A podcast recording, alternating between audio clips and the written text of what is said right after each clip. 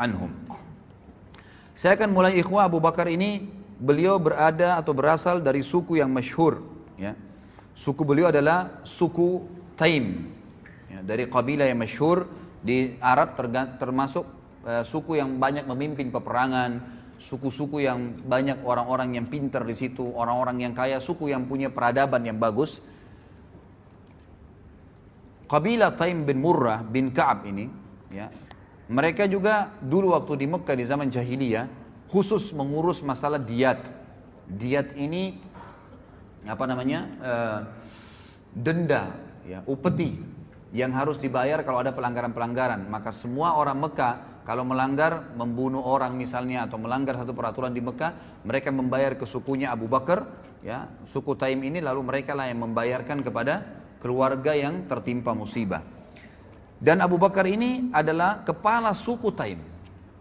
Jadi memang dia bukan orang biasa ini. Kepala suku itu, suku Taim yang terkenal tadi. Nama Abu Bakar sebenarnya adalah Abdullah. Namanya adalah Abdullah. Ya, jadi ini Abu Bakar sebenarnya yang terkenal ya. Makanya para ulama mengatakan secara histori ya, walaupun itu bukan sebuah pegangan, semua empat khulafa Rashidin namanya dimulai dengan Ain gitu kan. Jadi Abu Bakar namanya Abdullah, datang setelahnya Umar, datang setelahnya Uthman, datang setelahnya Ali, gitu kan? Jadi sebenarnya di masjid-masjid itu banyak yang ditulis, walaupun ditulis sebenarnya tidak boleh ya.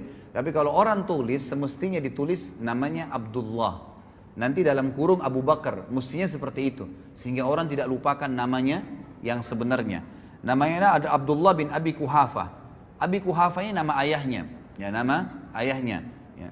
Uthman bin Amir. Uthman ibn Amir. Dan saya mohon maaf, pernah saya sampaikan di salah satu pengajian saya sudah diupload di YouTube. Saya keliru pada saat mengatakan, dan semoga Allah ampuni saya pada saat itu ya. Saya sempat mengucapkan Abu Kuhafa tidak sempat masuk Islam, gitu kan. Padahal sebenarnya Abu Kuhafa sempat masuk Islam dan ada riwayat sahih yang saya temukan bahwasanya Abu Kuhafa di akhir hidupnya pembebasan kota Mekah sempat digendong oleh Abu Bakar lalu Abu Bakar menuntunnya di depan Nabi SAW untuk syahadat dan dia sempat Islam ya radhiyallahu anhum ajma'in. Dan ini memang karena saya kemarin kekurangan informasi, tapi insya Allah semoga Allah ampun. Dan ini bukan aib ikhwah ya. Perlu ambil pelajaran juga dalam majelis ilmu. Kalau seseorang itu salah, dia mengatakan maaf saya salah, saya keluar dan diperbaikin. Itu sebenarnya yang benar. Karena kalau kita biarkan hanya karena kesombongan, hanya karena ego, akhirnya kita bukan penuntut ilmu sebenarnya. Ya, orang semua bisa salah mengaku oh ya saya salah mohon maaf saya keliru. Lalu lurus datang kepada jalan yang benar. Itu lebih itu yang benar. Menurut ilmu memang begitu. Jadi ada saatnya mereka bisa mengakui kesalahannya dan memang membenarkan kalau mereka benar menyampaikan hujah yang ada gitu kan? Jadi Abu Kuhafa radhiyallahu anhu meninggal dalam keadaan Islam. Abu Kuhafa ini namanya adalah Uthman bin Amir. Uthman ibn Amir. Ini namanya ayahnya Abdullah atau Abu Bakar radhiyallahu anhum. Dan ibunya bernama Ummul Khair julukannya ya Ummul Khair panggilannya dan namanya adalah Salma binti Sakhar bin Amir. Sakh, Salma binti Sakhar bin Amir. Ya. sebelum masuk Islam Abu Bakar ini namanya adalah Abdul Ka'bah. Abdul Ka'bah pernah dipanggil Abdul jadi hambanya Ka'bah gitu kan. Ini ada alasannya gitu kan. Jadi pada saat ya, ibunya, jadi ada dua, ada ada di sini ibunya pernah ya, di, di suku ibunya, di suku ibunya itu uh, pada saat Abu Bakar belum lahir, selalu kalau ada anak laki-laki pasti lahir dalam kondisi cacat. Ya, sebelum Abu Bakar lahir beberapa hari, beberapa waktu ini, kalau ada yang lahir bayi-bayi pasti cacat atau memang dari hasil yang tidak sah, gitu kan? Atau kalau ada laki-laki lahir normal, maka meninggal masih bayi. Maka ibunya bernazar, Ummul Khair bernazar kalau seandainya Allah karuniai dia lahir anak laki-laki, dia akan menamakan Abdul Ka'bah artinya dia akan abdikan kepada Ka'bah itu ya sebagai tanda ya eh, pengabdiannya kepada Allah Subhanahu wa taala. Kemudian juga dia memiliki nama yang lain yaitu Atiq. Dan Atiq juga ini berselisih ulama tentang sebab dikatakannya Atiq. Tapi yang paling kuat ada yang mengatakan Atiq itu artinya uh, apa namanya sebenarnya muharrar ya muharrir yang terbebaskan gitu kan. Ada yang mengatakan tadi kisah ibunya itu yang sukunya tidak ada yang melahirkan anak laki-laki lalu dia mengatakan kalau anak ini lahir normal selamat saya akan bebaskan dan saya akan seperti diserahkan kepada Ka'bah.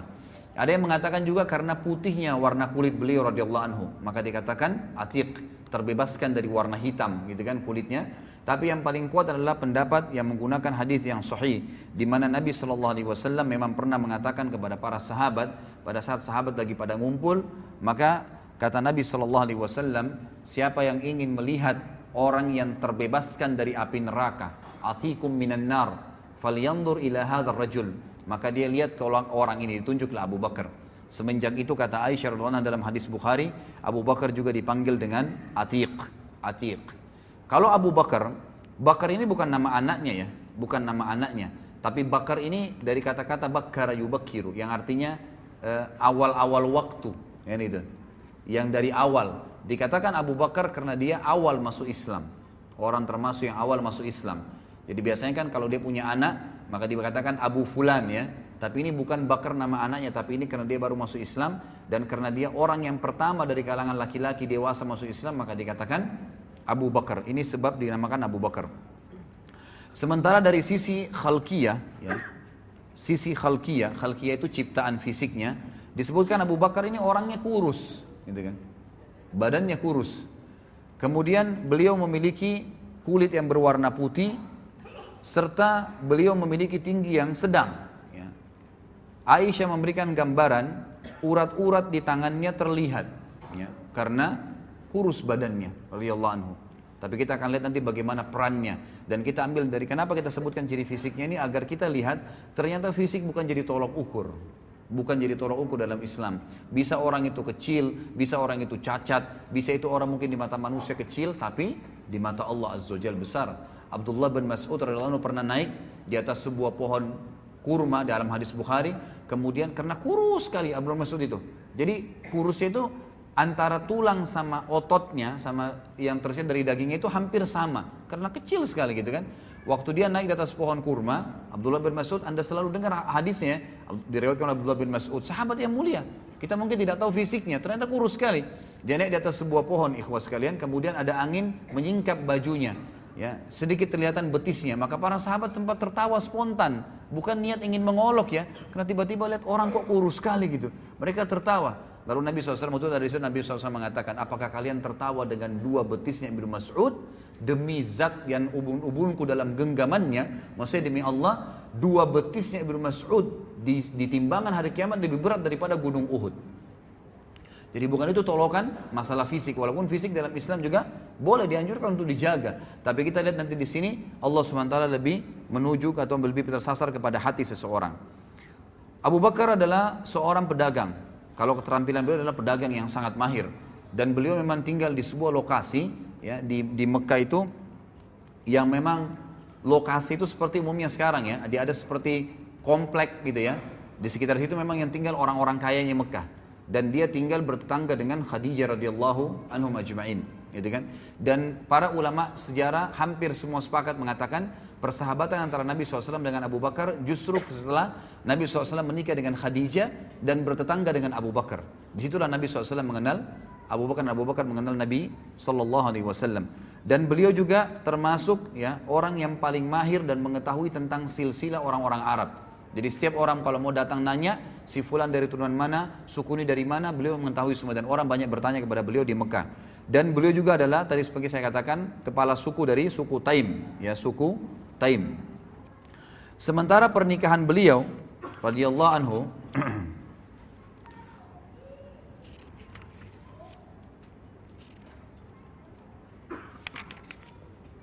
Pernikahan Abu Bakar radhiyallahu anhu itu ada dua wanita yang dinikahi di masa jahiliyah dan ada dua yang dinikahi di dalam Islam, gitu kan?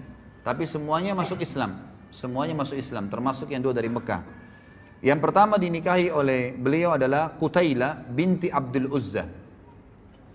Dan sempat melahirkan dua anak. Dari Qutaila ini lahir dua anak. Yang bernama Abdullah dan Asma. Abdullah bin Abi Bakar dan Asma binti Abi Bakar. Asma binti Abi Bakar ini yang nanti nikah dengan Zubair bin Awam. Dan akhirnya punya anak Abdullah ibn Zubair. Yang dikenal dengan Zatun Itaqain. Yang, yang, yang merobek bajunya ya selendangnya kemudian dibuat untuk membungkus bekal di untuk membawa Nabi memakan untuk Nabi SAW dan Abu Bakar ayahnya ke Gua Thur, gitu kan? Itu ada kisah sendiri tentunya. Tapi ini Asma. Jadi dua anak dari istri yang pertamanya. Kemudian beliau menikah setelah itu ya dengan uh, Ummu Rauman binti Amir bin Uwaimir. Ya. Ummu Rauman ini melahirkan juga dua anak, Abdurrahman dan Aisyah. Jadi dari istri keduanya Abu Bakar radhiyallahu anhu. Dan Aisyah ini tentu kita sudah tahu ya, masuk Islam dari awal, kemudian juga menikah dengan Nabi SAW. Tapi Abdurrahman punya kisah sendiri. Abdurrahman ini tidak langsung masuk Islam. Bahkan Abdurrahman sempat ikut bersama orang-orang Quraisy, gitu kan, di perang Badr, di perang Badr. Dan pada saat dia masuk Islam setelah itu dia mengatakan pada ayahnya, wahai ayahku, waktu perang Badr, saya tahu kau mencariku. Jadi ternyata Abu Bakar di perang Badar mencari anaknya. Anaknya yang pertama dia mau bunuh karena dalam keadaan kafir gitu kan. Lalu saya berusaha menghindar darimu karena saya tidak mau berhadapan denganmu. Kata Abu Bakar, demi Allah kalau kau berhadapan denganku, aku tidak akan berpaling dan aku akan membunuhmu dalam keadaan kafir. Luar biasa. Jadi tidak ada anak pun kalau kafir ya kafir, nggak ada ceritanya, gitu kan? Itu luar biasa bagi radhiyallahu anhu. Kemudian setelah masuk Islam di Madinah, beliau menikah dengan Habibah binti Kharijah. Habibah binti Kharijah ini waktu Abu Bakar hijrah ke Madinah, itu Nabi SAW mempersaudarakan antara muhajirin dan ansar kan. Nah Abu Bakar ini dipersaudarakan oleh Nabi SAW dengan Kharijah. Kharijah ini salah satu sahabat Nabi dari Ansar radhiyallahu anhu, gitu kan? Lalu ya Nabi eh, Abu Bakar menikahi anaknya dia yang bernama Habibah. Dan Habibah ini eh, apa namanya memiliki anak satu dari Abu Bakar bernama Ummu Kalthum. Tapi Ummu Kalthum ini lahir pada saat Abu Bakar sudah meninggal dunia. Ya, jadi Habibah ini hidup bersama Abu Bakar sampai akhir masa khilafahnya. Kemudian istri yang dinikahi yang keempat adalah Asma binti Umais. Dan ini melahirkan anak satu bernama Muhammad. Bernama Muhammad. Sekarang kita masuk kepada julukan. Ya. Kenapa beliau diberikan Siddiq? Ya. Apa sebabnya dapat jilikan Siddiq? Ya. Di sini khilaf di antara ahli sejarah tentang masalah julukan siddiqnya. Tapi umumnya ya dikatakan bahwasanya siddiq ini disebabkan karena beberapa kejadian bersama Nabi Shallallahu Alaihi Wasallam. Yang pertama sekali adalah pada saat Nabi Shallallahu Alaihi Wasallam mengajaknya masuk Islam, kemudian menceritakan kepadanya kisah gua Hira, datangnya Jibril dalam poster asli sebagaimana dalam hadis Bukhari. Ya, bahwasanya Nabi SAW berkata, ya pada saat saya turun dari gua Hira menuju ke rumah saya, maka dengar suara dari langit mengatakan, Wahai Muhammad, anta Rasulullah wa ana Jibril. Lalu Nabi SAW katakan, saya angkatkan kepala saya ke langit, di sana saya lihat badan Jibril memenuhi langit, ke timur, ke barat, ke utara, ke selatan, dan Jibril memiliki 600 ekor sayap, gitu kan? Yang kalau satu sayapnya dikebaskan bumi ini, maka akan hancur bumi ini. Tapi pada saat itu, Nabi SAW menyampaikan kepada Khadijah, Khadijah percaya. Maka orang yang pertama masuk Islam, wanita adalah Khadijah. Lalu orang kedua yang diceritakan adalah Abu Bakar. Dan Abu Bakar pada saat itu, begitu Nabi SAW selesai mengucapkan, langsung dia bilang, apa tuntunan Muhai Muhammad? Asyadu an la ilaha Rasulullah. Langsung syahadat pada saat itu. Tidak ada keraguan sedikit pun. Langsung. Bayangkan ya, orang menceritakan tentang malaikat yang pada saat itu tidak ada sama sekali. Sekarang saja dengan teknologi canggih. Orang kalau bukan dengan iman tidak percaya, apalagi zaman itu. Tapi di sini Abu Bakar tidak ragu sedikit pun. Dan ini adalah bukti yang sangat nyata, ya, kata para ulama tentang wajarnya beliau mendapatkan julukan Siddiq. Karena Siddiq itu artinya adalah e, e, mempercayai informasi yang datang dari Allah dan Rasulnya dan yang kedua mengamalkannya. Kita mulai misalnya dari poin pertama. Jadi ada dua bukti nyata Siddiq itu harus ada pada diri seseorang. Mempercayai semua apa yang disampaikan oleh Allah dan Rasulnya sebagaimana sabda Nabi sallallahu alaihi wasallam di dalam hadis yang sahih ma da'utu ahadan ilal islami illa kanat indahu kabwa wa nazar wa taraddad illa ma kana min Abi Bakr bin Kuha Abi Kuhafa ma aqamah hina zakartuhu lahu wa ma taraddada fi. Tidak ada seorang pun yang aku tawarkan Islam kecuali kadang-kadang masih ada pertanyaannya Kadang-kadang masih ada pertimbangannya. Kadang-kadang masih ragu. Kecuali Abu Bakar. Jadi di sini pertanyaan juga wajar. Khadijah waktu diceritain tentang gua Hira masih bertanya, gitu kan?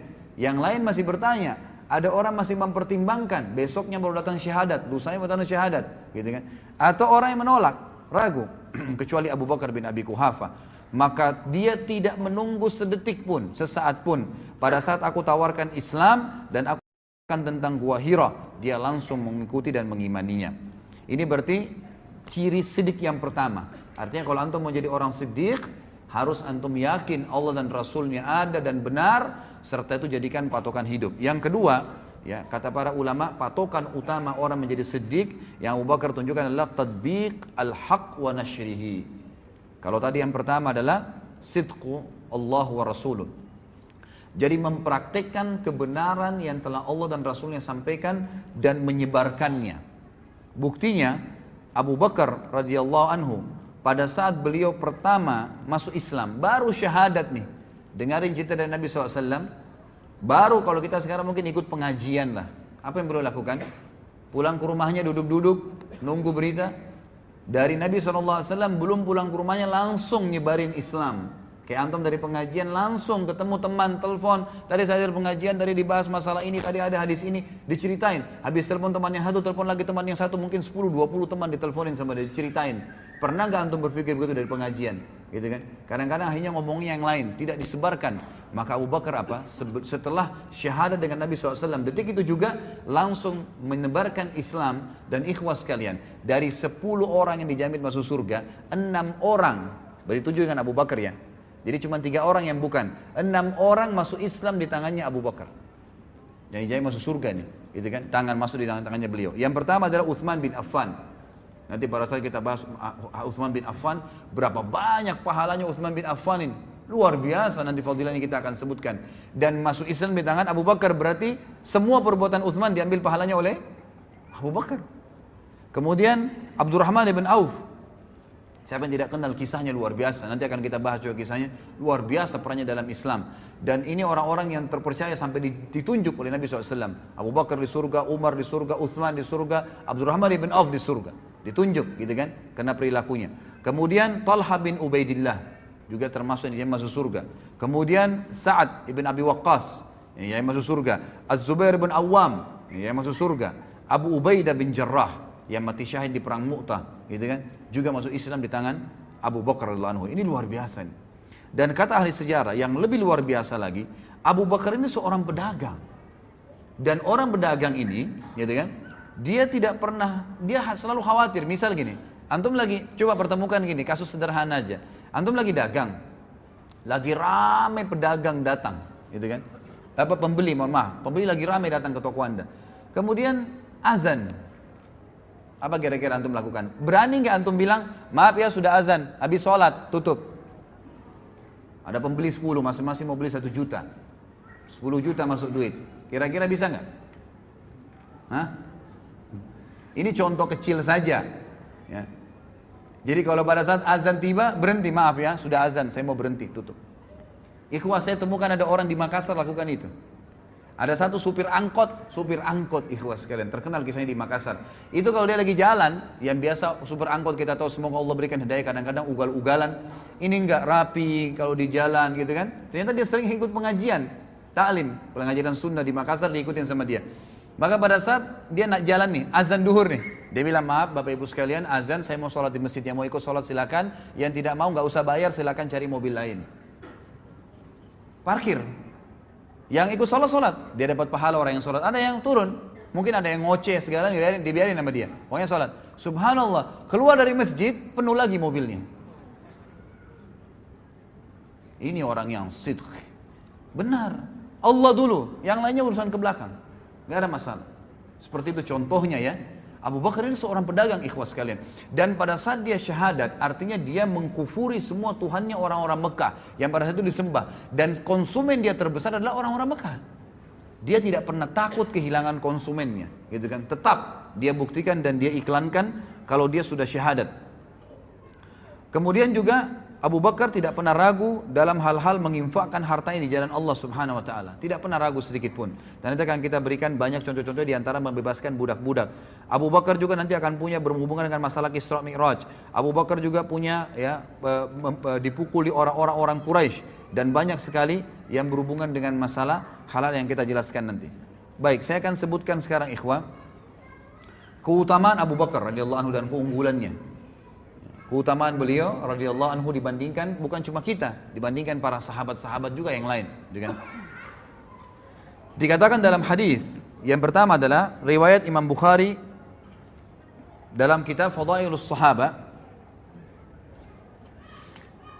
Dari Abu Sa'id Al-Khudri radhiyallahu anhu ia berkata Rasulullah SAW bersabda inna min amannin nasi alayya fi suhbatihi wa malihi Abu Bakar walau kuntu muttakhidan khalilan ghaira rabbi lattakhadtu Abu Bakar walakin ukhuwatul islami wa mawaddatuh la yabqayanna fil masjid babun illa sudda illa babu abi illa babu Abi Bakar Sesungguhnya orang yang paling berjasa kepadaku Ikhwah ini yang bicara kiai dan guru kita dan Nabi Muhammad, Nabi kita Muhammad sallallahu alaihi wasallam.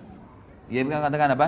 Sesungguhnya orang yang paling berjasa kepadaku dengan persahabatan dan hartanya adalah Abu Bakar yang oleh orang-orang Syiah dikafirkan.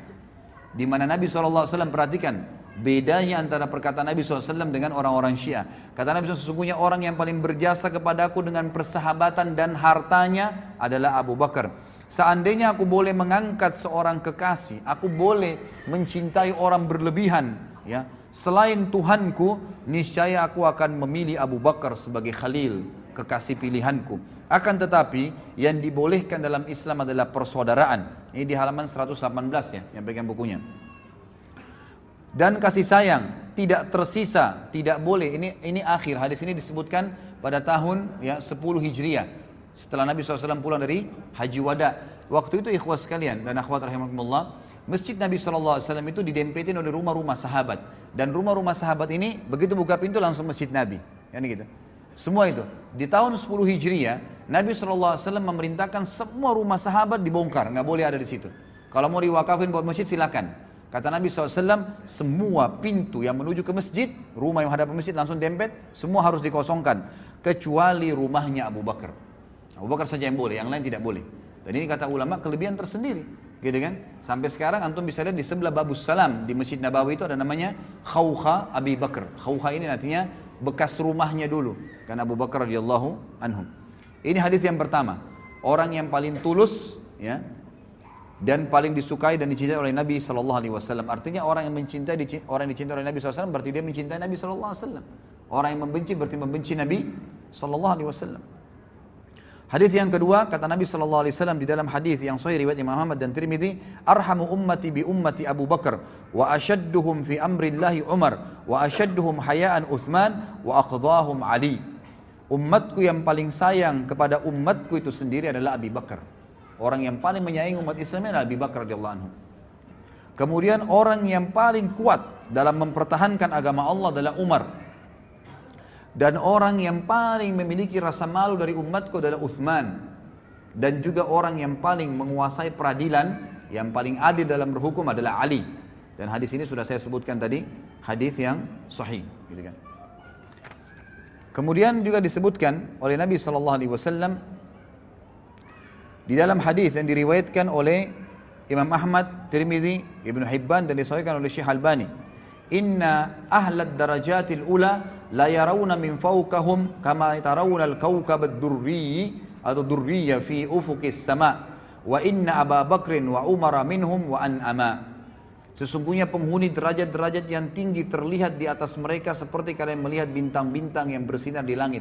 Artinya nanti derajat tinggi di surga itu seperti kita lihat bintang di malam hari terang. Jauh sekali dan kita tidak tahu apa-apa di sana cuma terang saja, benderang gitu. Lalu kata Nabi SAW sesungguhnya Abu Bakar dan Umar termasuk mereka dan keduanya dalam kenikmatan. Artinya memiliki derajat tertinggi di surga. Juga dalam hadis yang lain, ya kata Nabi SAW di dalam hadis yang diriwayatkan oleh Imam Tirmidzi dan disahihkan oleh Syekh Albani, kata Nabi SAW, "Ma li ahadin indana yadun illa waqad kafa'nahu ma khala Abu Bakar." Fa inna lahu indana yadan yukafi'uhu Allah biha yaumal qiyamah. Wa ma nafa'ani malu ahadin qattun. Ma nafa'ani mali Abi Bakar malu Abi Bakar walau kuntu muttakhidan khalilan lattakhadtu Abu Bakrin khalila wa inna sahibakum tidak seorang pun yang mempunyai jasa baik kepada kami kecuali kami telah membalasnya kecuali Abu Bakar. Jadi semua sahabat Nabi SAW kalau memberikan sesuatu, diberikan sesuatu pasti Nabi balas langsung pada saat itu diberikan balasan. Kecuali Abu Bakar, sesungguhnya dia mempunyai jasa yang mulia. Allah lah yang akan membalasnya pada hari kiamat. Aku tidak meminta, aku tidak mengambil manfaat dari harta seseorang seperti aku mengambil manfaat dari harta Abu Bakar. Seandainya aku boleh mengangkat seorang khalil, kekasih, ya, niscaya aku menjadikan Abu Bakar sebagai khalil dan sesungguhnya sahabat kalian ini adalah khalilullah Sesungguhnya sahabat kalian maksudnya Nabi Wasallam ini sesungguhnya saya kata Nabi adalah kekasihnya Allah Subhanahu Wa Taala. Kemudian juga kata Nabi Shallallahu Alaihi Wasallam di dalam hadis yang sahih diriwayatkan atau disebutkan oleh Syekh Albani dengan sanad yang sahih dari Jabir bin Abdullah radhiyallahu anhu bahwasanya Rasulullah SAW bersabda Abu Bakar wa Umar min hadzal dini kamanzilatis sam'i wal basari min ar-ra's Abu Bakar dan Umar dalam agama ini kedudukannya seperti pendengaran dan penglihatan bagi kepala. Abu Bakar dan Umar bagi umat ini kedudukannya seperti pendengaran dan penglihatan bagi bagi umat ini. Kita bisa tahu ya, kita bisa bayangkan kalau pendengaran dan penglihatan artinya Nabi SAW membahasakan ini bahasa kiasan. Siapa yang mau penglihatannya benar, pendengarannya benar, ikuti Abu Bakar dan Umar. Selesai. Ya, itu maknanya. Kemudian juga Nabi SAW berkata dalam hadis Ibnu Mas'ud, ya diriwayatkan oleh Imam Tirmidzi dan Ibnu Mas'ud, disahihkan oleh Syekh Albani. Ibnu Mas'ud berkata radhiyallahu anhu bahwasanya Rasulullah SAW bersabda, "Iktadu billadaini min ba'di min ashabi Abi Bakar wa Umar." Teladanilah dua orang setelah peninggalku nanti, ya dari sahabatku itulah Abu Bakar dan Umar. Jadi banyak sekali penyampaian dari Nabi SAW seperti ini. Kemudian juga hadis yang lain Nabi SAW dalam hadis diriwayatkan oleh Imam Tirmidzi dalam Kitabul Manaqib dan Syekh Albani juga menyebutkan dalam sahihnya dalam silsilah hadis sahihah bahwasanya Ali radhiyallahu anhu ya berkata suatu hari aku bersama Nabi aku melihat Nabi SAW ya bahwa pada suatu hari Nabi SAW melihat ke arah Abu Bakar dan Umar dan aku sedang berada di sebelahnya. Ini halaman 121 ya. Maka beliau bersabda Hadani Nabi SAW bersabda dan Ali mendengarkan. Ali ini yang selalu ditokohkan satu-satunya oleh orang-orang Syiah. Kalau Ali Sunnah menokohkan Ali dan semua sahabat radhiyallahu anhum gitu kan. Tapi ini bantahan terhadap mereka kata dalam hadis Tirmidzi dan hadis Sahih. Kata Nabi SAW Ali mendengarkan dan Ali radhiyallahu meriwayatkan hadis ini berkata pada saat Nabi melihat Abu Bakar berkata hadani sayyida kuhuli ahlil jannah minal awwalina wal akhirin illa nabiyyina wal mursalin La tukhbirhuma ya Ali. Dua orang ini adalah sayyid hulu, orang-orang dewasa penduduk surga dari kalangan orang-orang terdahulu dan orang-orang yang akan datang kemudian. Kecuali para nabi-nabi dan rasul. Artinya setelah nabi dan rasul dari pengikut semua nabi-nabi sebelum Muhammad SAW, sahabat-sahabatnya Nabi Nuh, Nabi Lut, Nabi Isa, Nabi Musa, semua sahabat-sahabat mereka itu, itu semua masih di bawahnya Abu Bakar dan Umar. Karena ini adalah di surga ya, sebagai pemimpin seluruh penduduk surga dari kalangan orang terdahulu dan orang yang akan datang kecuali para nabi-nabi dan rasul. Jangan katakan hal tersebut, hai Ali kepada mereka berdua. Jadi Nabi SAW mengatakan kepada Ali agar tidak menyampaikan kepada Abu Bakar dan Umar. Allah alam hikmahnya apa, tapi yang jelas seperti itu. Kemudian hadis yang lain riwayat Imam Tirmidzi dan disesuaikan oleh Syekh Albani juga, Nabi SAW menjamin bagi Abu Bakar dan sahabat yang lain surga. Beliau bersabda, dari Abdurrahman ibn Auf, beliau mengatakan aku mendengarkan Nabi SAW bersabda, Abu Bakar fil jannah, wa Umar, wa Umaru fil jannah, wa Uthmanu fil jannah, wa Aliyun fil jannah, wa Talhatu fil jannah, wa Zubairu fil jannah, wa Abdurrahman ibn Auf fil jannah, wa Sa'ad bin Abi Waqqas fil jannah, wa Sa'id bin Zaid fil jannah, wa Abu Ubaidah fil jannah. Abu Bakar di surga, Umar di surga, Uthman di surga. Ini jaminan semua ya. Ali di surga, Talha di surga, Zubair di surga, Abdurrahman ibn Auf di surga, Sa'ad bin Waqqas di surga, Sa'id bin Zaid di surga dan Abu Ubaidah bin Jarrah di surga. Kemudian juga Nabi SAW telah bersabda kepada Abu Bakar, ya, dan ini disebutkan diriwayatkan oleh Imam Tirmidzi dan dikatakan oleh beliau hadisnya Hasan Sahih. Abdullah bin Umar berkata radhiyallahu anhu ia berkata sungguhnya Rasulullah SAW bersabda kepada Abu Bakar anta sahibi alal khawt alal haut wa sahibi fil ghar. Engkaulah adalah sahabatku di haut, di telaga nanti. Maksudnya orang yang paling pertama menemani Nabi SAW untuk menunggu, menunggu umat Muhammad SAW. Dan sahabatku di gua. Dan kata para ulama hadis artinya Abu Bakar tanpa hisap. Dia sudah menunggu di haut bersama Nabi Wasallam. Kemudian pengarang buku Tuhfatul Ahwadhi yang terkenal ya, mengatakan sabda Nabi SAW, engkau adalah sahabatku di Haud, yakni telaga Al-Kautsar, dan sahabat kedua yang gua yang di gua Thur, tempat keduanya bersembunyi pada saat mereka hijrah ke Madinah. Pernah juga terjadi disebutkan di dalam hadis di halaman 123 footnote nomor 26 diriwayatkan Imam Bukhari dan Abu Daud dan juga Imam Tirmidzi. Waktu Nabi SAW naik ke atas gunung Uhud, ya, kemudian bersama dengan Umar, eh, bersama dengan Abu Bakar, Umar dan juga Uthman. Lalu goncanglah Uhud itu. Pada saat terjadi perang Uhud ya, Nabi SAW dan para sahabat berlindung di atas gunung Uhud. Ya. Kemudian goncang gunung Uhud, maka Nabi SAW menyentakkan kakinya sambil berkata, Uthbut Uhud, fa alaika nabiyyun wa siddiqun wa syahidan. Tenanglah wahai Uhud, di atasmu ada seorang nabi, seorang siddiq, Abu Bakar, dan dua orang yang syahid. Maksudnya Umar dan Uthman radhiyallahu anhum ajma'in. Tentu ini cukup banyak ya, ya cukup banyak hadis-hadis yang berhubungan dengan fadilah beliau radhiyallahu anhu dan ini juga tidak bisa saya sebutkan semua gitu kan. Yang jelas di sini kita bisa melihat atau mengambil bagaimana Abu Bakar itu punya kedudukan di mata Nabi sallallahu alaihi wasallam. Ada di antara riwayat yang saya pilihkan adalah pernah terjadi di dalam riwayat yang sahih. Ini di, ini disebutkan oleh Imam Bukhari di dalam bab Al-Fadail. Maksudnya Fadail Sahabat ya. Dari Abu Darda lalu berkata, aku sedang duduk bersama Nabi SAW, tiba-tiba Abu Bakar datang terpongo-pongo, ya, atau tergopo-gopo maaf, sambil memegang ujung kainnya, sampai lututnya sedikit terlihat. Maka Nabi SAW bersabda, sahabat kalian sedang menghadapi masalah penting. Yaitu Nabi SAW sedang duduk dengan sahabat-sahabat Nabi yang lain, tiba-tiba Abu Darda meriwayatkan Abu Bakar datang dan tergopo-gopo, bergesa-gesa sambil mengangkat bajunya karena buru-burunya gitu. Lalu Nabi SAW berkata, sahabat kalian, maksudnya Abu Bakar yang sedang datang ini lagi ada masalah. Maka Abu Bakar mengucapkan salam lalu berkata, Ya Rasulullah, antara aku dengan Ibnu Khattab, maksudnya Umar bin Khattab, ya, terjadi sesuatu. Aku terlanjur mengucapkan kalimat yang seakan-akan menghinanya, gitu kan. Kemudian aku menyesal, aku memintanya untuk memaafkanku, namun dia tidak berkenan. Dan ini pelajaran lain ya, bahwasanya Abu Bakar juga punya salah. Bukan berarti tidak pernah salah sama sekali. Tapi Abu Bakar dengan siddiqnya seperti yang saya ucapkan ikhwan. Salah, oh iya maaf saya salah maafin. Lalu tinggalkan. Bukan berarti memelihara kesalahan itu. Lalu dia mengatakan saya minta maaf kepada Umar, tapi Umar tidak berkenan memaafkan. Maksudnya masih jengkel gitu ya. Maka aku datang ke sini. Maka Rasulullah SAW bersabda dalam hadis Bukhari ini, Yakfirullahu laka ya Abu Bakar. Pasti Allah sudah ampuni kamu wahai Abu Bakar.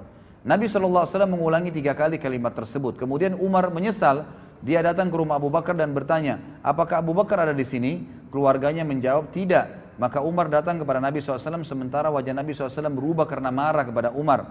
Sampai-sampai Abu Bakar merasa kasihan kepada beliau, ya, kepada Nabi SAW. Untuk apa marah gitu? Abu Bakar lalu berlutut di depan Nabi SAW dan berkata, Ya Rasulullah, akulah yang salah. Aku yang salah ya Rasulullah. Maksudnya bukan Umar. Dan aku yang mau minta maaf. Sambil berlutut depan Nabi SAW. Lalu kata Nabi SAW apa? Ini pelajaran besar. Padahal Abu Bakar yang berbuat salah ya. Cuma karena dia sudah akuin apa yang terjadi. Kata Nabi SAW. Inna allaha. Dalam hadis Bukhari ini. Ba'athani ilaikum. Fakultum kadhabta. Wa qala Abu Bakar sadaqa. Wa wasani binafsihi wa mali. Fahal antum tariku li sahibi. Fahal antum tariku li sahibi. Sesungguhnya Allah mengutusku di Mekah, kemudian kalian semua berkata engkau berdusta. Termasuk Umar kan? Pertama tidak mengimani Nabi SAW, mengikuti orang-orang Quraisy mengatakan Muhammad berbohong. Tetapi Abu Bakar berkata, dia benar. Abu Bakar membenarkannya. Abu Bakar telah membantuku dengan jiwa dan hartanya. Apakah kalian berkenan membiarkan dan memaafkan sahabatku, sahabatku untukku? Apakah kalian berkenan membiarkan sahabatku untukku? Maka setelah itu kata Abu Darda tidak ada lagi orang yang berani menyakiti Abu Bakar. Tidak ada lagi orang yang berani menyakiti Abu Bakar. Kemudian yang tadi saya katakan ikhwah, ini sedikit saya tambahkan masalah masuk Islamnya Abi Kuhafa. Riwayatnya disebutkan ya dengan sahih oleh Imam Ahmad dan Abu Ya'la dan Ibnu Hibban dan disahihkan oleh oleh Syekh Al-Albani dalam silsilah hadis sahihah. Melalui Muhammad bin Sirin ia berkata, Anas bin Malik ditanya tentang semir rambut Rasulullah SAW. Ya semir rambut Rasulullah SAW. Maka dia berkata, sesungguhnya Rasulullah SAW tidak tumbuh uban kecuali sedikit. Maksudnya Nabi tidak pernah menyemir rambutnya. Akan tetapi Abu Bakar dan Umar sepeninggal beliau telah mewarnai rambut keduanya dengan henna dan khatam. Maksudnya warna yang warnanya coklat kemerah-merahan. Anas berkata, Abu Bakar membawa ayahnya Abu Kuhafa kepada Rasulullah SAW pada hari pembebasan kota Mekah. Abu Bakar menggendongnya hingga dia meletakkannya di depan Rasulullah SAW. Maka Rasulullah SAW berkata kepada Abu Bakar, seandainya engkau membiarkan orang tuamu di rumah, niscaya kami akan datang kepadanya. Maksudnya Nabi SAW bilang kepada Abu Bakar, gak usah kamu repot-repot gendong ayahmu, kamu panggil saya, saya akan datang Abu Bakar. Gitu kan? Biarin dalam rumah di rumahnya. Hal itu beliau katakan untuk menghormati Abu Bakar sallallahu alaihi wasallam. Maka Abu Kuhafa masuk Islam sementara rambut dan jenggotnya putih seperti pohon ya di sini disebutkan tagamah, ya sebuah pohon yang memang sering eh, daunnya pun bunganya pun putih. Maka Rasulullah SAW bersabda, ubahlah keduanya, tetapi jangan dengan warna hitam. Jadi hadis ini sebenarnya menyebutkan tentang masalah bolehnya mewarnai selain putih ke warna selain hitam. Boleh merah, boleh warna yang lain yang kira-kira tidak menyolok tapi yang dipakai bukan Umar adalah henna. Henna ini warna coklat kemerah-merahan. Allahu alam ini yang dibolehkan. Tapi di sini juga pelajaran besar ternyata Abu Kuhafa telah masuk Islam dan di sini juga perannya Abu Bakar dalam bersegera ya menyelamatkan kedua orang tuanya. Jadi ikhwah dan akhwat yang orang tuanya masih dalam keadaan kufur jangan tunda terus dakwain, terus doain dan berusaha sampai Abu Bakar menggendong ayahnya yang sudah tua di hadapan Nabi SAW untuk syahadat. Kemudian juga Abu Bakar adalah orang yang paling dicintai sebagaimana Amr bin As disebutkan dalam hadis riwayat Muslim dan Trimidi. Amr bin As ini sahabat Nabi yang terkenal sekali ya pakaiannya selalu bersih, tampan orangnya, selalu wibawa. Orang kalau lihat suka sekali Amr bin As, gitu kan? Dia yang ditunjuk oleh oleh Umar bin Khattab menjadi membebaskan Mesir, Afrika dan menjadi gubernur di Mesir gitu. Amr bin As ini, saking setiap ketemu dengan Nabi SAW, ikhwah, selalu Nabi ajak ngomong, selalu ngobrol. Jadi bin As ini mengira dialah orang yang paling dicintai. Dan ini termasuk bahasan dalam akhlak Nabi SAW. Nabi selalu bermuamalah dengan orang, siapa pun sama semua. gitu Sama semua. Sampai orang itu mengira dia orang yang paling dicintai. Amr bin As dengan bangga berkata, Ya Rasulullah, aku ingin bertanya pada anda, depan sahabat-sahabat yang lain nih. Dia pikir karena selama ini muamalahnya Nabi khusus gitu sama dia. Lalu dia bilang, siapa orang yang paling anda cintai ya Rasulullah? Kata Nabi SAW, Aisyah, ya, istrinya. Lalu kata sahabat, kata, kata Amr bin As, bukan ya Rasulullah, laki-laki maksud saya. gitu kan. Langsung kata Nabi SAW, ayahnya, maksudnya Abu Bakar. Jadi di sini Amr bin As sempat terkagetkan, dia pikir dialah selama ini orang yang paling dicintai oleh Nabi Wasallam. Abu Bakar ikhwah, satu-satunya orang yang mendapatkan jaminan akan masuk dari delapan pintu surga dan akan dipanggil namanya hari kiamat dan didengar oleh seluruh orang sebagaimana disebutkan di dalam hadis riwayat Imam Bukhari dan Muslim kata Nabi SAW dari Abu Hurairah anhu Man anfaqa zawjaini min syai'in minal asya'i fi sabilillah du'iya min abwabil jannah. Ya Abdullah hadha khair. Wa man kana min ahli salati du'iya min babil salat. Wa man kana min ahli jihadi du'iya min babil jihad. Wa man kana min ahli sadaqa du'iya min babil sadaqa. Wa man kana min ahli siyami du'iya min babil siyam wa rayyan. Jadi di sini dikatakan barang siapa yang menginfakkan sepasang harta. Maksudnya di sini adalah dia menginfakkan dirham dan dinar, itu kan seperti itu atau dua hewan jantan dan betina dari segala sesuatu di jalan Allah, dia dipanggil dari pintu-pintu surga. Wahai hamba Allah, ini adalah kebaikan. Barang siapa yang termasuk orang-orang yang mendirikan solat, maka dia dipanggil dari pintu solat. Siapa yang berjihad, dipanggil dari pintu jihad. Siapa yang bersedekah, dipanggil dari pintu sedekah. Barang siapa yang termasuk ya eh, orang-orang yang berpuasa, dipanggil dari pintu puasa. Dan itu namanya pintu rayyan. Ya. Artinya gini ikhwan, semua pintu itu nanti sesuai dengan amal-amal ibadahnya orang. Ada orang yang punya di setiap pintu istana, dia bisa datangin kapan saja. Kalau dia mengerjakan jenis-jenis ibadah ini. Kata Abu Bakar ya Rasulullah, adakah orang yang dipanggil dari semua pintu itu, semua dia bisa dapat di surga? Enggak ada pintu yang tidak dipanggil, gitu kan? Maka kata Nabi Shallallahu Alaihi Wasallam, ya, dan aku berharap engkaulah orangnya, engkaulah orangnya. Jadi ini pernyataan yang jelas, ya. Bagaimana Abu Bakar radhiyallahu anhu ditunjuk oleh Nabi Shallallahu Alaihi Wasallam termasuk orang yang dipanggil dari delapan pintu tersebut. Ada banyak orang tidak menyadari, ikhwas sekalian, bahwasanya hidup ya yang paling baik adalah mencintai Nabi Sallallahu Alaihi Wasallam. mencintai Nabi Sallallahu Alaihi Wasallam. Dan tidak ada orang ikhwah yang mencintai Nabi SAW melebihi Abu Bakar. Tidak ada orang yang mencintai melebihi Abu Bakar. Ada kisah ikhwah panjang sekali. Saya ringkaskan begini. Pada saat Abu Bakar, ya, pada saat Nabi SAW sedang tawaf dan hadis ini diriwayatkan disebutkan oleh uh, uh, uh, Al-Fat uh, apa Ibnu Hajar dalam Bidayah wan Nihayah dan rawi-rawinya semua thiqat. Dan Al-Haythami juga menyebutkan dalam Majma' dan juga rawi-rawinya semua dikatakan oleh Bazzar thiqat. Dan Bazzar menukil riwayat ini sepanjang selengkapnya semua. Dan ini hadis sahih Suatu hari Nabi SAW sedang tawaf di Ka'bah, kemudian tiba-tiba Nabi SAW dikeroyokin oleh orang-orang Quraisy. Pada saat dikeroyokin oleh orang-orang Quraisy, gitu kan? Maka ada yang menarik baju Nabi SAW, ada yang uh, apa, uh, mendorong Nabi SAW, ada yang berusaha memukul Nabi SAW, dikeroyokin, gitu kan. Dan tidak ada satu orang pun yang berani untuk membela Nabi SAW waktu itu. Sampai datangnya Abu Bakar, ya. Abu Bakar kebetulan waktu itu dikatakan adalah kepala suku Taim. Datang kemudian mendobrak orang-orang Quraisy tersebut dan Ali berkata, pada saat itu kami semua menyaksikan ya tidak ada seorang pun di antara kami yang berani membela Nabi SAW karena banyaknya orang-orang Quraisy yang mengurumuni Nabi SAW. Sampai datangnya Abu Bakar, lalu Abu Bakar memindahkan mereka satu persatu, mendorong dan memukuli satu sama yang lain sambil berkata, ya, apakah kalian mau membunuh seseorang yang mengatakan Tuhanku Allah? Lalu datanglah orang-orang Quraisy mengurumuni, mengurumuni Abu Bakar sam, sampai datangnya seseorang yang bernama Utbah bin Rabi'ah. Ya ini Utbah bin Rabi'ah nanti yang mati ya, di perang Badar terbunuh di tangan Hamzah radhiyallahu anhu ya. Maka Utbah bin Rabi'ah pun memegang Abu Bakar lalu menghantamkan sendal yang terisikan dengan double karet yang keras ke wajah Abu Bakar dan menaruh Abu, menjatuhkan Abu Bakar ke tanah lalu duduk di atas dadanya dan terus memukuli Abu Bakar sampai tidak bisa membeda, tidak bisa dibedakan antara hidung dan wajah Abu Bakar karena banyaknya darah yang mengalir. Dan akhirnya Abu Bakar pun terpinsankan. Lalu datanglah suku Taim membela Abu Bakar. Sampai-sampai mereka memikul Abu Bakar ya dengan apa namanya? dengan kain, sehelai kain. Dan mereka membawa ke rumahnya dan waktu itu Ummul Khair ya ibunya Abu Bakar masih ada dan Ummu Khair pun ini duduk sambil menyangka Abu Bakar anaknya sudah meninggal dunia.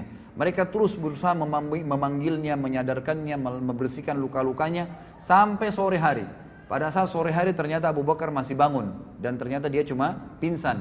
Kalimat yang paling pertama diucapkan oleh Abu Bakar pada saat bangun, bagaimana keadaan Rasulullah Muhammad sallallahu alaihi wasallam dalam kondisi sakit keras, gitu kan?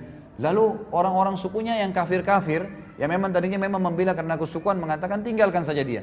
Bukannya dia peduli dirinya, malah dia peduli dengan temannya, gitu kan?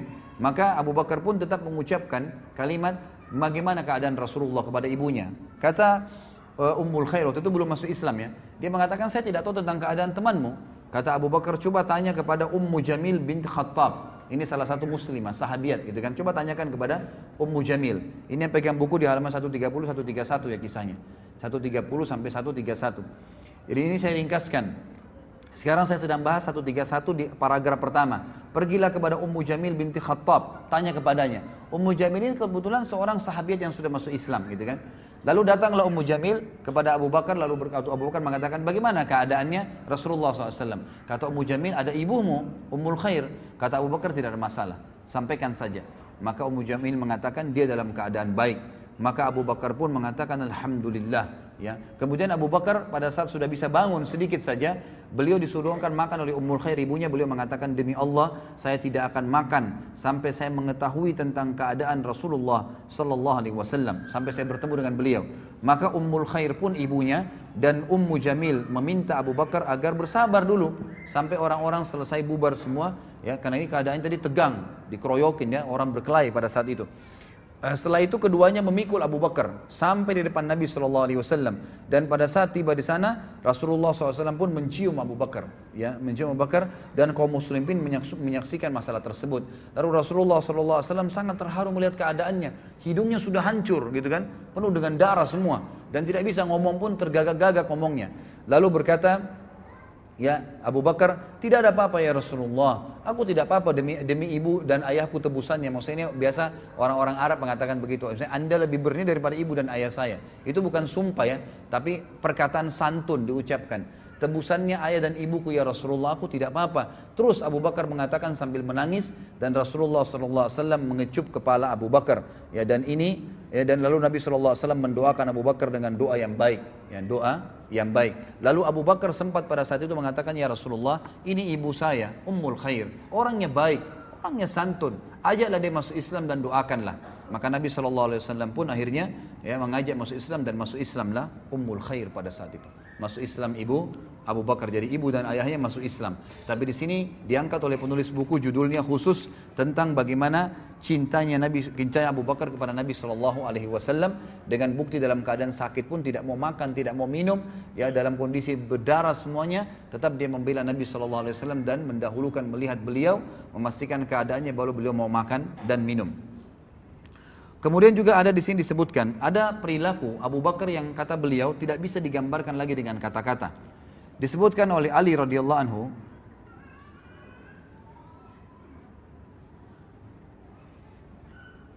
Riwayat ini disebutkan disebutkan dalam Tarikh Khulafa halaman 37. Athar ya, sebuah athar yang sahih. Ali radhiyallahu anhu berkata, "Sungguh aku telah melihat Rasulullah SAW dikerumuni oleh orang-orang Quraisy sebagian mendorong beliau dan sebagian lagi mengoyak-ngoyak badan beliau. Mereka berkata, engkaulah orang yang menjadikan Tuhan-Tuhan yang banyak menjadi Tuhan yang satu. Ali berkata, demi Allah, tidak seorang pun dari kami berani mendekat selain Abu Bakar. Dia mendorong sebagian dari mereka, menyingkirkan sebagian dari mereka, dan memukul sebagian lagi. Dia berkata, celakalah kalian. Apakah kamu akan atau kalian membunuh orang-orang, ya, seseorang yang dia mengucapkan Tuhanku Allah, sebagaimana disebutkan dalam surah Ghafir ayat 28. Kemudian Ali mengangkat jubah yang dipakainya, dia menangis sampai jenggotnya basah. Maksudnya Ali menangis pada saat menceritakan kisah ini. Kemudian berkata, "Aku bertanya kepada kalian dengan nama Allah, apakah seseorang laki-laki beriman dari keluarga Firaun lebih baik daripada Abu Bakar? Mana yang lebih baik?" Kan dalam Al-Qur'an diceritakan ya, ada keluarganya Firaun yang menyembunyikan imannya, menyembunyikan imannya. Tapi itu dianggap orang yang beriman pada saat itu. Ali mengatakan siapa yang lebih baik menurut kalian? Yang disebutkan orang yang beriman dari keluarga Fir'aun yang menyembunyikan imannya atau Abu Bakar?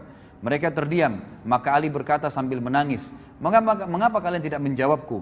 Demi Allah, suatu sa satu saat saja, satu saat maksudnya kalau kita sekarang sedetik saja, dari Abu Bakar lebih baik daripada seribu waktu-waktu atau saat dari laki-laki yang beriman dari keluarga Fir'aun. Laki-laki itu menyembunyikan imannya, sementara Abu Bakar mengumumkan imannya. Abdullah bin Umar juga berkata, pada saat Nabi SAW sedang berada di halaman Ka'bah, Uqbah bin Abi Mu'aid datang lalu mencengkram pundak Rasulullah SAW dan melilitkan kainnya di leher Rasulullah SAW. Dia mencekik beliau dengan kuat. Maka datanglah Abu Bakar, dia mencengkram pundak Uqbah dan menyingkirkannya dari Rasulullah SAW sambil berkata, dan ini turun menjadi ayat. Perkataan Abu Bakar turun menjadi ayat.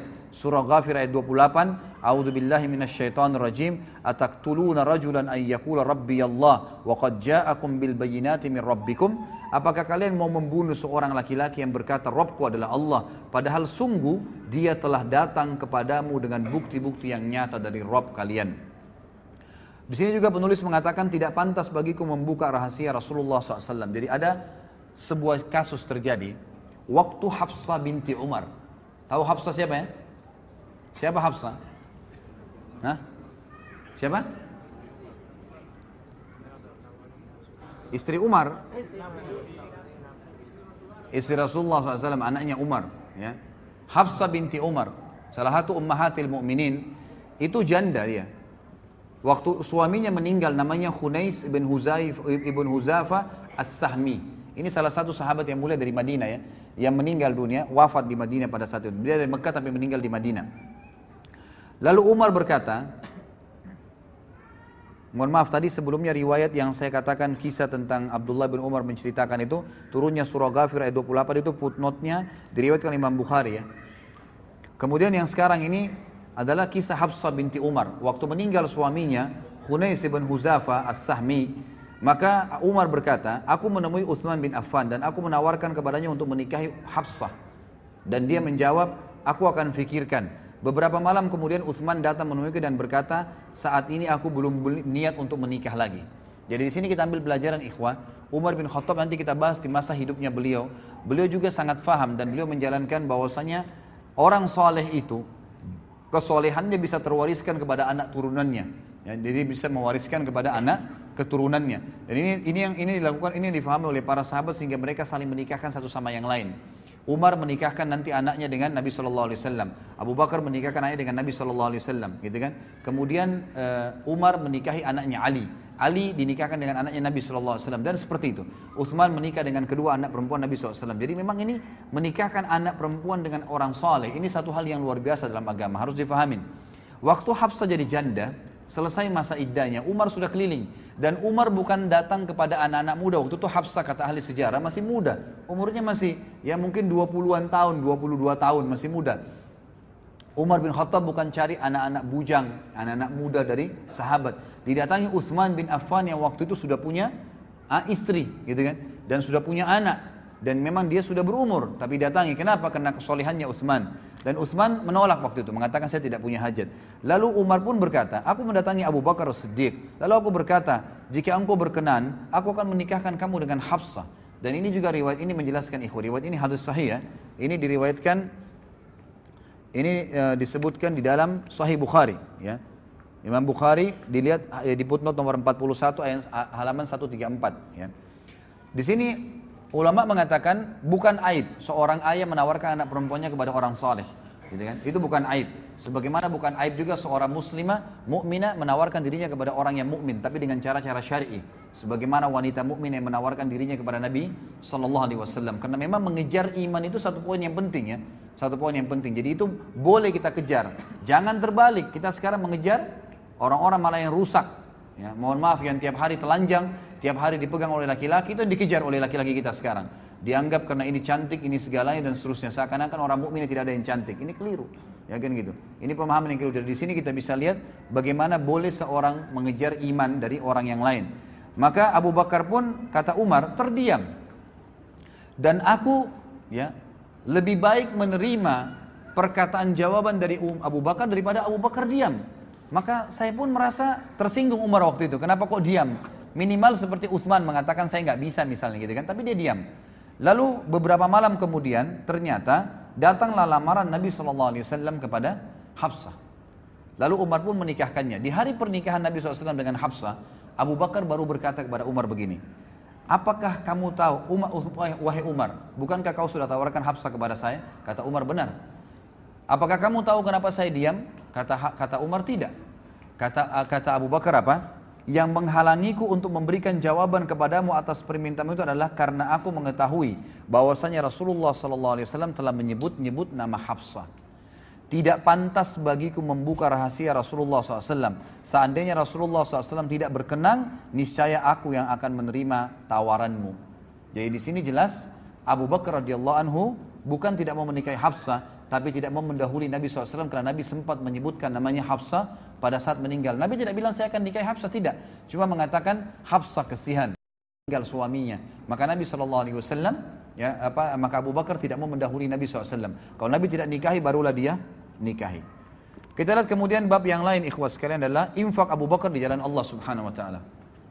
Mungkin mohon maaf kalau ikhwah tidak keberatan dan akhwat, kalau seandainya azan duhur nanti, ya dan anda tidak buru-buru kita lanjutkan setelah sholat duhur ya karena memang ini masih ada beberapa poin-poin kalau ada yang punya hajat mendesak tidak ada masalah meninggalkan tempat tapi kalau enggak saya berharap kita tuntaskan materinya kita masuk ke poin yang lain adalah infak Abu Bakar di jalan Allah Subhanahu wa taala. Infak Abu Bakar di jalan Allah Subhanahu wa taala. Disebutkan dalam hadis ya. Diriwayatkan oleh Imam Bukhari. Mam, disebutkan oleh Tabarani dalam Kitabul Al-Kabir dari Ibnu Abbas dan dihasankan oleh Syekh Albani Kata Nabi SAW, Ma ahadun a'lamu indi yadan min Abi Bakar wasa, wa, wasani binafsihi wa mali wa angkahani ibnatah. Tidak ada seorang pun yang lebih besar jasanya kepadaku daripada Abu Bakar. Dia telah membantuku dengan jiwa dan hartanya, tambah lagi dia menikahkanku dengan putrinya. Maksudnya Aisyah radhiyallahu anha. Tentu Umar bin Khattab tadi menunggu Nabi SAW yang melamar. Tapi ini enggak, Nabi SAW yang dinikahkan oleh Abu Bakar dengan anaknya Aisyah. Kemudian dikatakan juga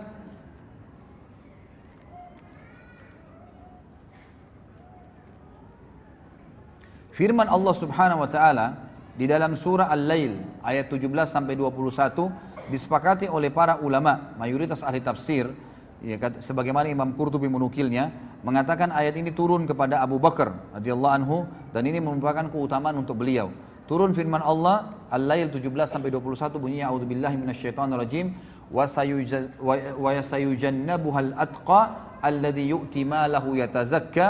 ma li ahadin indahu min ni'matin tujza illa ibtigha'a wajhi rabbihil a'la wa la sawfa yarda. Dan akan dijauhkan darinya neraka maksudnya Abu Bakar khusus sendiri Orang yang paling bertakwa di kalangan sahabat Muhammad yang menginfakkan hartanya jalan Allah untuk membersihkan dirinya. Dan tidak ada seorang pun memberikan suatu nikmat pahalanya yang harus dibalasnya tapi dia memberikan semata-mata karena mencari wajah Allah yang maha tinggi dan niscaya kelak dia pasti akan mendapatkan kesenangan atas balasan tersebut.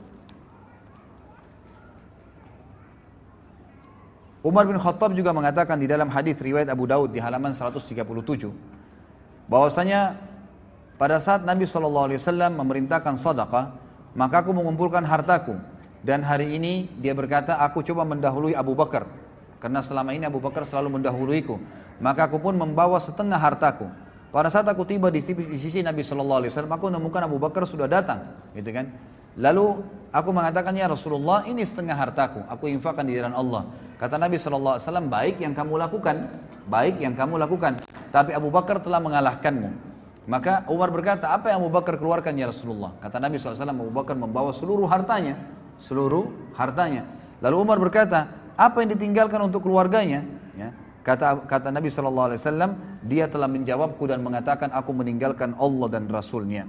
Ya, dari riwayat ini menjelaskan, Abu Bakar itu kalau berinfak tidak pernah, ya apa namanya, e, menghitung-hitung ya. Dalam arti kata, apa yang sedang ada di tangan. Misal gini, Antum lagi datang penawaran untuk bantuan. Ini cirinya Abu Bakar ya. Misal kita mau nyumbang nih, mau nyumbang sesuatu. Pada saat datang permintaan, misalnya fakir miskin minta sesuatu tolong bantu saya, saya belum makan, saya butuh 10 ribu rupiah, bisa disebutin. Maka 10 ribu itu dikasih langsung.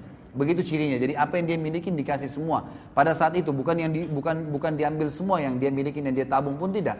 Di rumahnya, di mana pun, tapi yang dia siapkan pada saat itu langsung dikasih semua oleh Abu Bakar itu cirinya, gitu kan. Jadi ada kesalahpahaman kadang-kadang dengan ikhwah seakan-akan Abu Bakar menghabiskan semua karena disebutkan dalam beberapa riwayat yang lain yang sahih, Abu Bakar masih punya kebun-kebun, punya pendapatan-pendapatan dari penjualan, gitu kan, yang ada. Jadi bukan seluruh harta diambil, dijual, dijual pun semua kebunnya enggak, tapi yang ada siap pada saat itu, pada hari itu semua dikeluarkan di jalan Allah Subhanahu wa taala.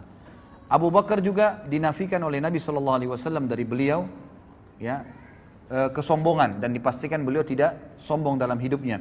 Sebagaimana kita sudah jelas hadis ya yang sahih dan hadis ini diriwayatkan Imam Bukhari. Abdullah bin Umar berkata radhiyallahu anhu bahwasanya Rasulullah SAW bersabda man jarra thawbahu khuyala lam yanzurullah lam yanzurillahu ilaihi yaumal qiyamah. Siapa yang menjulurkan pakaiannya karena sombong niscaya Allah tidak akan melihat kepadanya pada hari kiamat.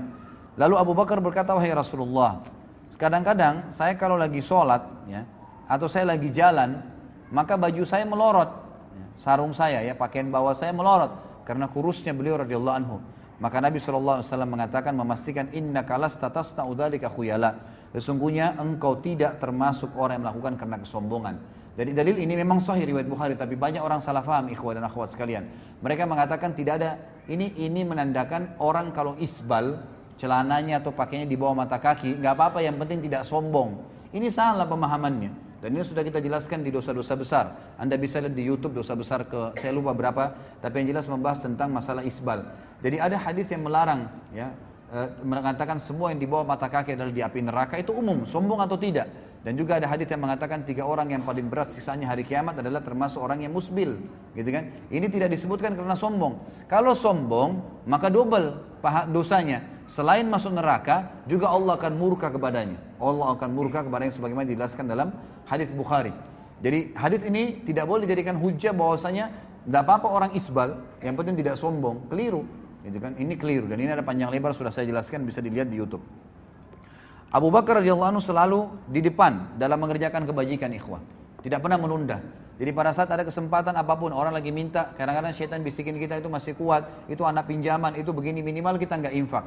Pokoknya siapa pun yang minta kasih dulu pada saat itu kecuali ahli maksiat kita tidak berikan bantuan. Di dalam hadis yang sahih disebutkan perilaku Abu Bakar yang sangat mulia di riwayat Imam Bukhari, diriwayatkan Imam Bukhari, kata Nabi SAW, saya langsung baca terjemahannya saja, karena melihat waktu.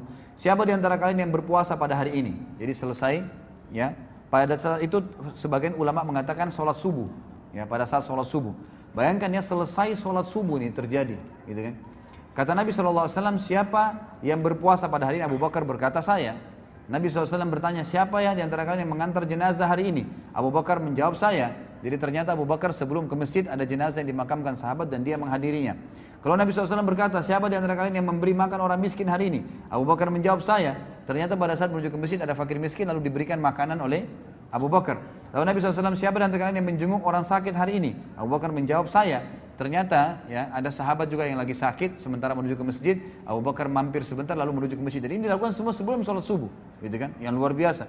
Maka Rasulullah SAW bersabda, semua itu tidak berkumpul pada seseorang kecuali pasti dia masuk ke dalam surga kecuali pasti dia masuk ke dalam surga. Baik, kita tutup ikhwas sekalian sebelum duhur ini dengan uh, peran Abu Bakar dalam masalah Isra dan Mi'raj. Ini kisah yang luar biasa.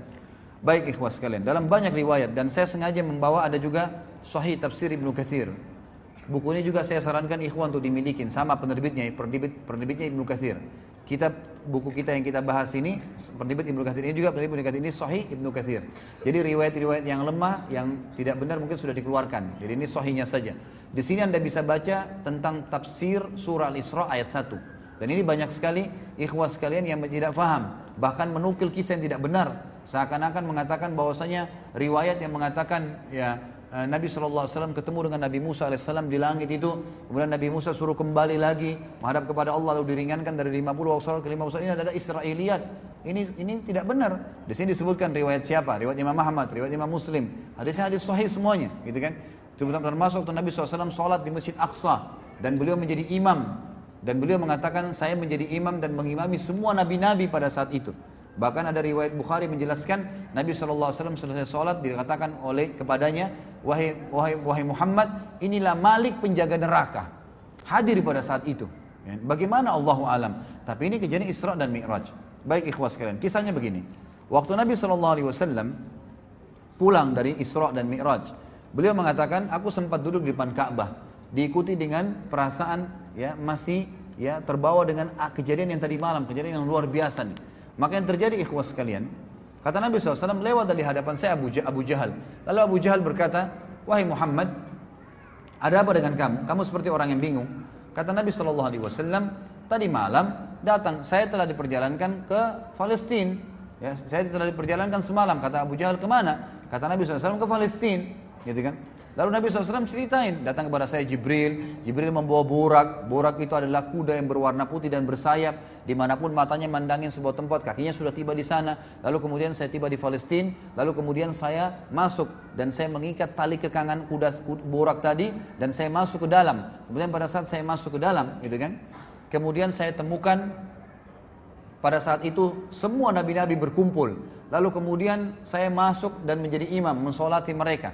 Saya melihat Ibrahim dan Ibrahim paling mirip seperti saudara kalian ini, maksudnya seperti beliau, Sallallahu Alaihi Wasallam. Dan saya melihat ya, uh, Isa yang rambutnya basah seakan-akan baru keluar dari kamar mandi. Dan saya pun melihat Musa yang berkulit kehitam-hitaman dan badannya kekar serta berbulu, ya seperti dari suku ada satu suku Arab, saya lupa namanya tapi disebutkan sebuah suku negara Arab, uh, dari Jazirah Arab. Kemudian Nabi SAW berkat menceritakan semua. Setelah itu saya dimirajkan ke langit. Naik langit pertama. Kisahnya panjang tentunya. Ketemu dengan Nabi Adam. Kemudian langit kedua Yahya dan Isa. Kemudian langit ketiga bertemu dengan Idris. Langit keempat ketemu dengan Harun. Langit kelima ketemu dengan eh, maaf. Langit keempat dengan Yusuf. Langit kelima ketemu dengan Harun. Langit keenam ketemu dengan Musa. Langit keenam ke, eh, langit ketujuh ketemu dengan Ibrahim alaihissalam. Lalu Nabi SAW ceritakan semua sampai Sidratul Muntaha. Kemudian saya perlihat, diperlihatkan begitu indahnya Sidratul Muntaha. Sangat luar biasa. Kata Nabi SAW dihiasi dengan perhiasan, perhiasan itu seperti permata yang besarnya seperti kuping-kuping gajah.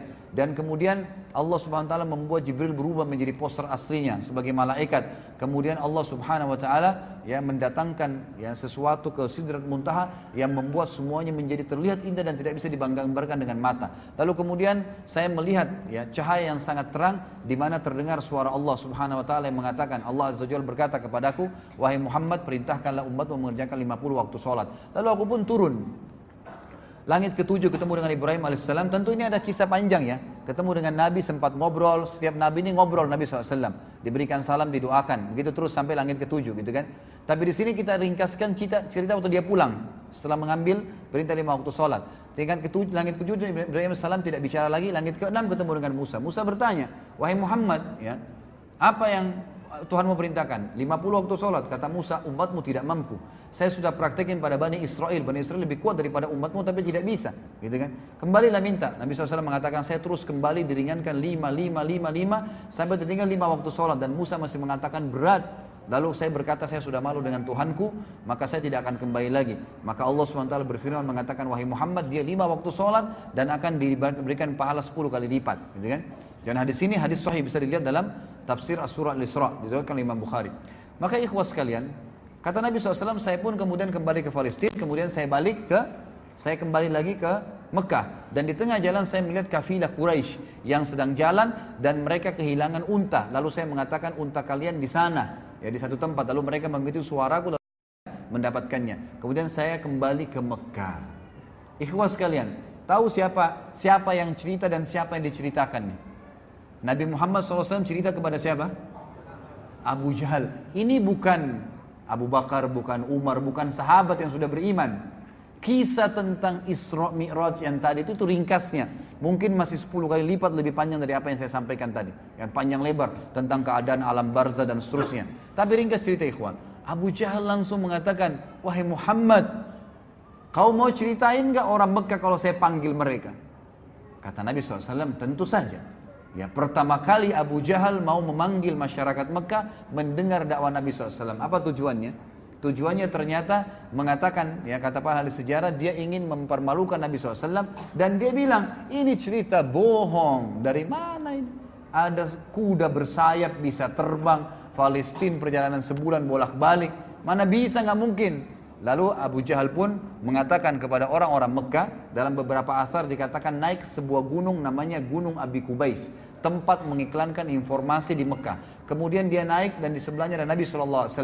Orang-orang Mekah kalau lihat orang naik di Gunung Abi Kubais, semuanya pada ngumpul dan semuanya tahu ada informasi penting. Dan mereka tambah kaget karena di atas Gunung Abi Kubais ada Abu Jahal, raja mereka orang-orang kafir di Mekah, dan ada Muhammad SAW. Nabi Muhammad SAW adalah orang terpercaya di Mekah, tokoh Quraisy, dan belum pernah dua-duanya ini bersatu sama-sama. Di tempat akan disampaikan informasi. Orang-orang kafir Mekah berkumpul karena Abu Jahal, para sahabat kumpul karena Nabi SAW. Apa yang terjadi ikhwan? Abu, Abu Jahal mengatakan silakan Abu Bakar, eh, silakan Rasulullah, eh, silakan Nabi Muhammad sampaikan. Nabi SAW ceritain Isra Mi'raj, kejadiannya begini, begini, semua panjang lebar sampai selesai. Apa yang terjadi ikhwan? Orang-orang kafir dari orang Mekah tambah kafir. Ini gila nih, nggak mungkin. Gimana caranya? Perjalanan Mekah Palestina sebulan ditempuh dalam satu malam pulang pergi? Gak mungkin. Itu satu bulan itu pergi ya, pulang pergi berarti dua bulan. Itu, itu tidak mungkin. Bagaimana caranya bisa ngomong ini gila nggak mungkin. Lalu sahabat-sahabat pun yang sudah beriman itu mereka bimbang. Tapi ini Nabi, nggak mungkin salah. Abu Abu Jahal turun dari gunung Abi Kubais sambil ketawa mengatakan apa ikhwan? Ya. Sekarang agamanya Muhammad sudah habis. Sampai ke Darun Nadwa dia bilang kepada orang Quraisy, berita gembira wahai Quraisy, Agamanya Muhammad sudah habis. Kata mereka kenapa? Tuh lihat Muhammad di bawah gunung Abi Kubais dikerumunin orang. Dia berbuat cerita bohong. Ceritanya begini begini. Abu, Abu Jahal tidak sadar dengan hikmah Allah menceritakan Isra Mi'raj. Begini begini begini Muhammad ceritain semua. Tinggal satu orang kata Abu Jahal. Kalau satu orang ini kalian bisa rusak keyakinannya, maka agamanya Muhammad habis. Cari Abu Bakar. Abu Bakar waktu itu lagi di kebun kurmanya di luar kota Mekah. Maka datang mereka semua. Termasuk ada beberapa sahabat Nabi yang waktu lihat Abu Jahal jalan rame-rame dan mendengar pembicaraan itu ikut. Mau dengar juga Abu Bakar bilang apa nih?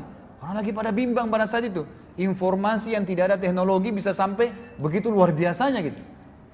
Maka sampailah pada saat itu di depan kebun Abu Abu Jah, ke, ke, uh, di depan kebun Abu Abu Bakar, Abu Jahal bilang begini, "Wahai Abu Bakar, keluarlah." Abu Bakar keluar lihat orang-orang pada ngumpul dan pertama kali orang-orang kafir Quraisy dengan tokoh-tokohnya semua berjalan dengan sahabat-sahabat tidak pernah terjadi. Kan? Langsung kata Abu Bakar, ada apa Abu Jahal? Abu Jahal bilang, teman Muhammad sudah gila. Masa dia cerita begini, begini, cerita tentang Isra Mi'raj. Sedangkan dia ke Palestina saja perjalanan sebulan ditempuh semalam tidak masuk di akal saya. Apalagi dia sholat bersama Nabi-Nabi, apalagi dia naik ke langit, ketemu Tuhannya itu lebih saya nggak percaya. Apa kata Abu Bakar? Ada dua riwayat. Riwayat yang sahih sebenarnya menyebutkan begini. Wahai Quraisy, Kalau Muhammad ucapkan itu, pastikan jawaban dari saya, dia pasti benar. Nggak mungkin salah, gitu kan? Baik, sebentar kita azannya. Dia pasti benar. Lalu kemudian ya berkata dalam riwayat yang lain, ya riwayat Bukhari juga kata kata Abu Bakar, kalau aku hai Quraisy, kalau Muhammad ucapkan dia pasti benar dan ditambah lagi dengan perkataan, dia telah mengucapkan kepada saya hal-hal yang dia katakan datang dari langit turun, turun dari langit. Saya sudah yakini, apalagi kalau cuma sekedar dia naik, sama saja. Turun dengan naik sama saja, apa bedanya? Kalau dia turun dari langit saya percaya apalagi kalau naik, gitu kan? Tapi ada sebuah athar yang luar biasa ikhwan. Apa kata Abu Bakar? Wahai Quraisy, kalau di depan mata saya ada sebuah tembok warnanya putih terang dan Abu Bakar mengatakan tidak wahai Muhammad, tidak wahai Abu Bakar, itu hitam maka saya akan bohongkan mata saya dan saya katakan, oh iya, mata saya yang salah, hitam. Apa yang terjadi ikhwah? Abu Jahal teredam kekufurannya pada saat itu. Gak bisa buat apa-apa. Ternyata Abu Bakar yang dia ingin rusak keyakinannya, sudah mengatakan, kalau depan mata saya tembok putih terang, mata saya lihat putih, Muhammad bilang, enggak Abu Bakar itu hitam. Oh iya, saya yang salah, hitam. Gitu. Jadi matanya pun dibohongkan. Ini luar biasa keyakinannya. Gitu kan, luar biasa kejujuran dengan Nabi SAW. Lalu Abu Bakar tahu ini ada masalah. Dia berkata kepada para sahabat, di mana Rasulullah SAW? Oh Rasulullah di bawah gunung Abi Kubais, dikerumunin orang. Abu Bakar segera datang, dari jauh teriak, Ya Rasulullah, Ya Rasulullah, sengaja teriak-teriak gitu. Orang-orang pada balik semua, seperti di masjid ini kalau ada yang panggil saya dari belakang, pasti antum bilang, loh ini ada yang panggil, kita balik semua, siapa orang itu? Jadi Abu Bakar sengaja dan orang-orang dengar nih. Pada saat Abu Bakar sambil jalan mendekati Nabi SAW, beliau mengatakan, Abu Jahal telah cerita kepada saya, lalu Abu Bakar menceritakan Isra Mi'raj lengkap. Jadi makin nyebar beritanya. Terus sampai depan Nabi SAW lalu kata Abu Bakar apa? Benarkah ya Rasulullah? Kata Nabi SAW dengan jelas, benar wahai Abu Bakar.